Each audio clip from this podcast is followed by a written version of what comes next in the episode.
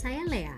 Saya suka banget sharing tentang apa aja, mulai dari public speaking, pengalaman di stage, hobi, memulai usaha baru, tips supaya tetap bahagia, sampai beragam tips bertahan di saat duit lagi cekak banget, atau ngobrolin keseruan beragam profesi yang ada di sekitar saya. Nanti juga saya akan ngajak beberapa teman, sahabat, bahkan klien untuk ngobrol hal-hal yang sesuai dengan profesi mereka. Intinya warna-warni deh isinya.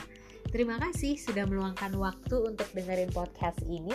Semoga ada hal yang bisa menginspirasi dari kata Jenglea.